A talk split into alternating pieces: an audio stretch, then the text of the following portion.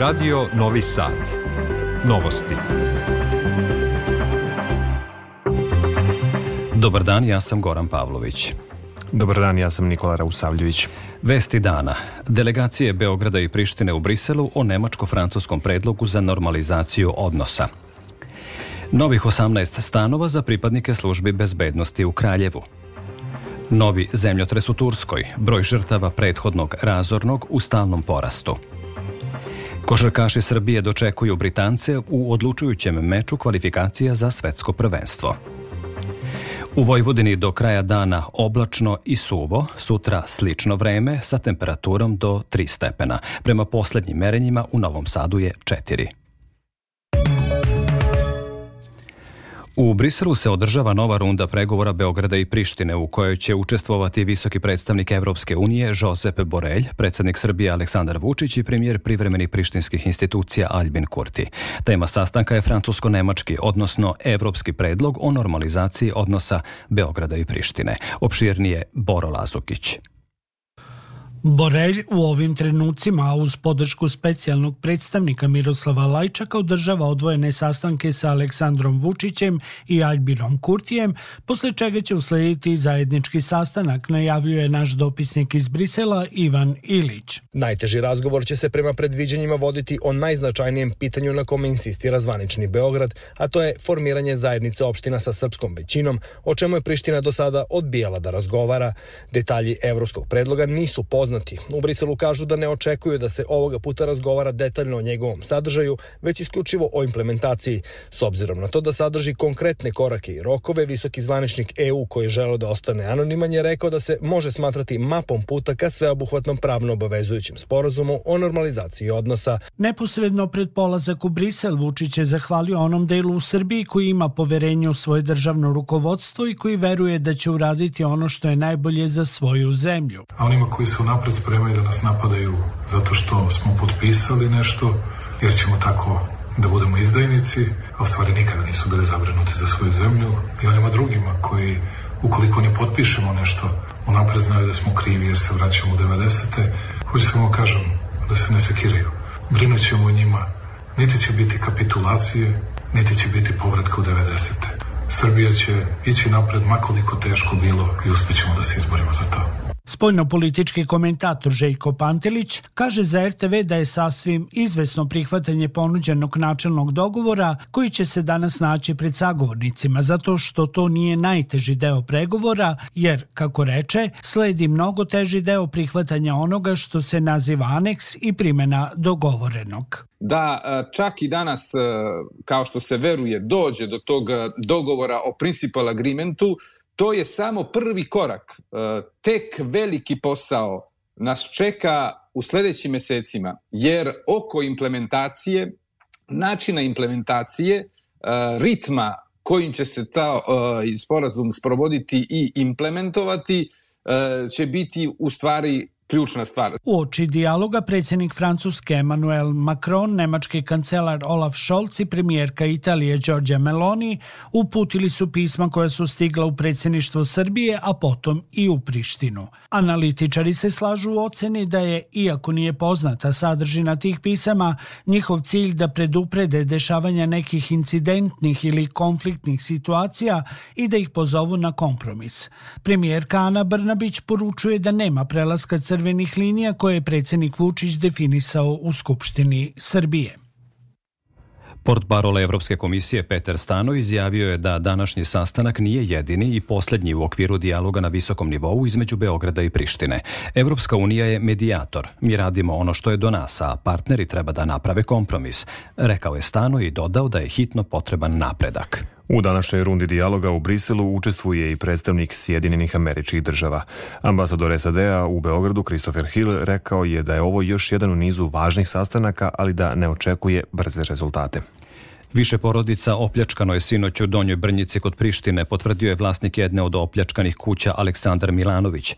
Kako je rekao, provalnici su odneli novac i zlato iz kuće, dok je njegova porodica bila u susednoj. Odmah posle prijave policija je obavila uviđaj. U Donjoj Brnjici nekada je živelo skoro 1500 Srba, sada ih ima oko 350.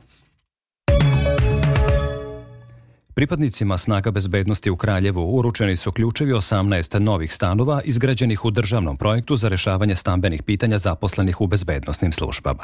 Ministar unutrašnjih poslova Bratislav Gašić tom prilikom je istakao da Srbija brine o zaslužnima za bezbednost svih građana. Pojedinosti Aleksandar Grujić.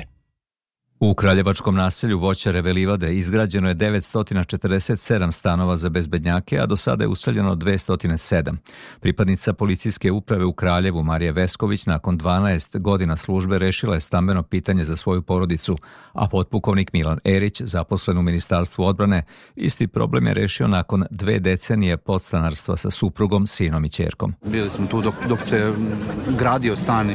Osjećaj je neverovatan posle 20 godina postanarskog života, konačno se useljavamo u, u svoj stan, u svoj dom. Ministar Gašić je naglasio da je dan u kojem se reši stambeno pitanje jedan od najvažnijih dana u životu, a izgradnja stanova za pripadnike službi bezbednosti po povoljnim uslovima deo je napora države na podizanju ugleda ekonomskog statusa i dostojanstva zaposlenih u bezbednostnim službama. Ponosan sam i zato jer mogu da stanem ispred vas i pred oči javnosti i kažem da država Srbija ispunjava dato obećanja da brine o vama koji čuvate njenu sigurnost, mir i bezbednost svih građana. U okviru državnog projekta predviđena je izgradnja gotovo 7000 stanova za pripadnike službi bezbednosti. Osim u Kraljevu, grade se u Beogradu, Novom Sadu, Vranju, Nišu, Kragujevcu i Sremskoj Mitrovici, a cena im nije veća od 500 evra po kvadratu bez PDV-a. Pravo na kupovinu stana imaju pripadnici snaga bezbednosti koji nemaju rešeno stambeno pitanje ili imaju neodgovarajući stan. Centar Ministarstva odbrane u Novom Sadu realizovao je svečani ispraćaj kandidata na dobrovoljno služenje vojnog roka pod oružjem i vojno stručno osposobljavanje za rezervne oficire. Ukupno je 26 kandidata poslato na služenje vojnog roka, što je za trećinu više nego u decembarskom roku. Na služenje vojnog roka otišlo je i pet devojaka, najviše do sada. Detaljnije Milan Rakić. Kandidati Maja Bekut i Jovan Tošić rekli su da su od uvek želeli da rade u vojsci kako bi pomogli svojoj zemlji u najtežim okolnostima. Zbog toga su se odlučili da odu na dobrovoljno služenje vojnog roka. Na ovo sam se odlučio zato što želim da dam svoj doprinos svojoj zemlji u borbi protiv nepravde i zla koje prete, da steknem znanje i veštine koje će mi pomoći da savladam svaku prepreku i naravno da ovaj, da ostanem pri, pri vojsci. Volim kada vidim uniformu, želim da budem u njoj, zato sam se jedan od razloga što sam se prijavila. Tako da očekujem sve najbolje. Načelnik centra Ministarstva odbrane za lokalnu samoupravu Novi Sad, potpukovnik Dragan Dimoski, rekao je da kandidati nastavljaju tradiciju svojih predaka koji su branili svoju otačbinu kada god je to bilo potrebno. Ja kao načelnik centra Ministarstva odbrane štan put koristim ovu priliku da se njima zahvalim što su se odlučili da odsluže vojni rok. Nakon odsluženja vojnog roka svi kandidati će moći da konkurišu i zasnuju radni odnos u vojsci Srbije, dodao je Dragan Dimoski i pozvao sve momke i devojke da se već sada prijave za upućivanje na dobrovoljno služenje vojnog roka sa oružjem u junskom uputnom roku. Poslanici Skupštine Srbije nastavili su rad raspravom o amandmanima na izmene zakona o centralnoj evidenciji stvarnih vlasnika. Pred poslanicima su i izveštaji nezavisnih državnih organa za 2021. kao što su Fiskalni savet Srbije, Državna revizorska institucija, Poverenik za informacije od javnog značaja i zaštitu podataka o ličnosti, Poverenik za zaštitu ravnopravnosti, Agencija za sprečavanje korupcije i drugi. Na dnevnom redu je i izbor direktora Agencije za sprečavanje korupcije. Na sednici se razmatra i glasa o ukupno 26 tačaka. U nastavku novosti vesti iz regiona i sveta. Rok za podnošenje kandidatura za predsjedničke izbore u Crnoj Gori istekao je u ponoć, a Državna izborna komisija do sada je potvrdila tri od osam predatih kandidatura. Potvrđene su kandidature Andrije Mandića iz DF-a, Draginje Vuksanović, Stanković iz SDP-a i Mila Đukanovića iz DPS-a. Predsjednički izbori u Crnoj Gori biće održani 19. marta. Zemljotres jačine 5,2 stepena Richterove skale pogodio je istočni deo Turske, saopštio je Evropski mediteranski seizmološki centar. U tom zemljotresu kod turskog grada Malatije poginula je jedna osoba, a 69 je povređeno. Podsjećamo u zemljotresu koji je Tursku pogodio 6. februara, život je u toj zemlji i Siriji izgubilo više od 50.000 ljudi, a povređeno je više od 150.000 osoba. Milioni ljudi su ostali bez domova, uništeno je više od 450.000 objekata, a u Turskoj je uvedeno tromesečno vanerno stanje. Ukrajina je proširila minirano područje na granici s Rusijom i Belorusijom. Jedno selo u Donjeckoj oblasti najpre su bombardovali Ukrajinci, a potom i Rusi. Ruske snage tvrde da su stigle na 2 km od centra strateški važnog Bahmuta. Dva ruska aviona Suhoj 25 bacila su visoko eksplozivne bombe na ukrajinske položaje u Avdejevki. Ukrajinske vlasti su sprovele niz antikorupcijskih istraga i pretresa širom zemlje, nakon čega su usledila brojna otpuštanja visoko pozicioniranih funkcionera. Hrvatska je u okviru međunarodne pomoći Ukrajini započela operaciju slanja 14 transportnih helikoptera u tu zemlju. Na antiratnim protestima u Berlinu, Vancouveru i drugim gradovima hiljade ljudi zahtevale su da NATO prestane da naoružava Ukrajinu. Protesti u Parizu obeleženi su pozivom Putinu da okonča rat. Istovremeno, stotine okupljenih na demonstracijama u Vašingtonu zahtevalo je nastavak američke vojne podrške Kijevu. Ekvadorska policija zaplenila je gotovo 9 tona kokaina koji je bio sakriven u kontejneru sa bananama, a trebalo je da bude poslat u Belgiju. Prema rečima nadležnih, policija je sprečila međunarodnu prodaju 90 miliona paketića droge vrednih 330 miliona dolara u Evropi. Smešten između Kolumbije i Perua, gde se godišnje najviše proizvede kokaina, Ekvador je 2021. imao rekordnu zaplenu droge namenjene evropskim lukama, oko 210 tona. Od početka ove godine konfiskovano je 31 tonu narkotika. Broj nastradalih migranata u prevratanju malog broda u blizini južne italijanske obale porastao je na 61, saopštile su italijanske vlasti. Zvaničnica okruga Crotone, Manuela Cura, rekla je da je novo telo pronađeno u moru. Drveni brod koji je prevozio migrante ka Evropi udario je u stene u blizini Stekata di Kutra. Ministar unutrašnjih poslova Italije Matteo Piantedosi izjavio je da je brodićem putovalo između 150 i 200 izbjeglica, uključujući 12 rodece. Brodić je isplovio iz Izmira u Turskoj pre nekoliko dana sa izbjeglicama iz Afganistana, Irana i nekoliko drugih zemalja. U nastavku novosti vraćamo se domaćim aktuelnostima. Vlada Srbije nastavlja posticaje za oživljavanje sela. Opredeljeno je još 500 miliona dinara za kupovinu praznih seoskih kuća za mlade. Ministar za brigu o selu Milan Krakobabić kaže da će konkurs biti otvoren od sutra. Naveo i da će imati mogućnost da se prijavi za 10.000 evra pomoći za pokretanje sobstvenog posla. Uslov za prijavu je da su mlađi od 45 godina, državljani Srbije ne u kraćem periodu od 3 godine, da nemaju već imovinu, stanove ili kuće, ali mogu da imaju poljoprivredno zemljište, navodi Krkobabić. Raste poverenje građana u organizacije civilnog društva. Pokazuju rezultati istraživanja o stavovima građana o učešću u demokratskim procesima, koje je povodom Međunarodnog dana organizacija civilnog društva predstavio Centar za istraživanje, transparentnost i odgovornost CRTA. Gotovo polovina ispitanika smatra da civilni sektor štiti javni interes, dok je pre deseta godina tek trećina građana imala takav stav. Više o tome Vesna Balta.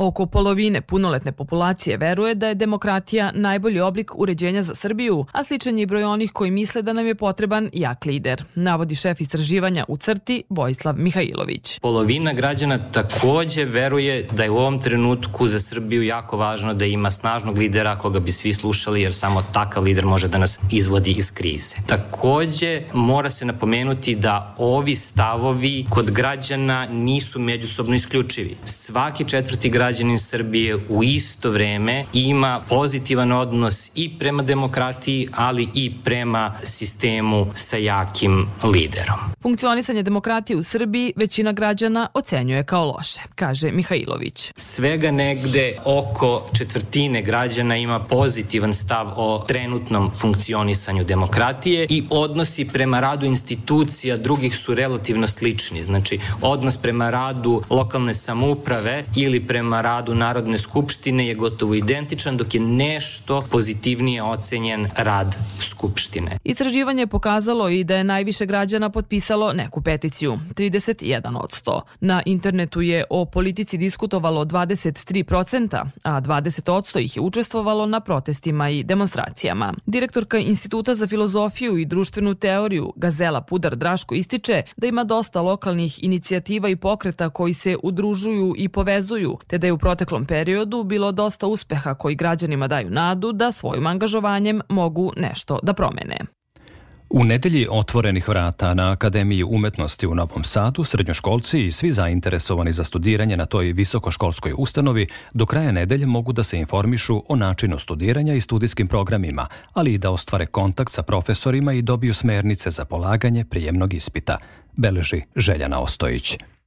Za upis na Akademiju talenat je ključan, a ljubav prema umetnosti glavni je motiv zašto srednjoškolci biraju baš taj profesionalni put.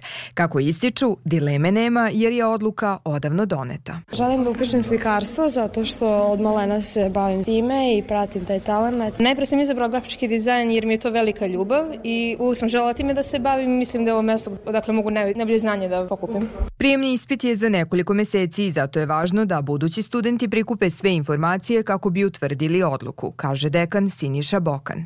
Za studijske programe zakazane su konsultacije kandidatima koji se interesuju za određene studijske programe kako bi se pripremili za prijemni ispit i sve drugo informacije koje treba da imaju da mogu da dobiju. Pored toga naravno postoji i vrlo jasno na sajtu uputstva instrukcije za termine prijemnog ispita i sve ostalo. Akademija umetnosti ima tri departmana, dramskih, muzičkih i likovnih i primenjenih umetnosti i oko 50 studijskih programa, a najveće interesovanje je za glumu, naglašava Bokan. To je tradicionalno naravno tako, a zainteresovani su veoma i za druge smerove. Na Akademiji umetnosti mi imamo dramsku departmanu, režiju, dramaturgiju, e, produkciju, audiovizualnu mediju, montažu, kameru, snimanje dizajna zvuka, vizualne efekte, animaciju, muzičku produkciju, departmanu muzičke umetnosti manje više skoro sve izvođačke instrumente, plus kompoziciju, plus muzikologiju, plus muzičku pedagogiju, etnomuzikologiju, na departmanu likovnih umetnosti, slikarstvo, vejarstvo, grafika, e, novi likovni mediji, fotografija, e, grafički dizajn, ilustracija, dizajn interijera, tako da sigurno oni koji imaju neku naklonost prema nekoj od ovih oblasti umetnosti mogu da nađu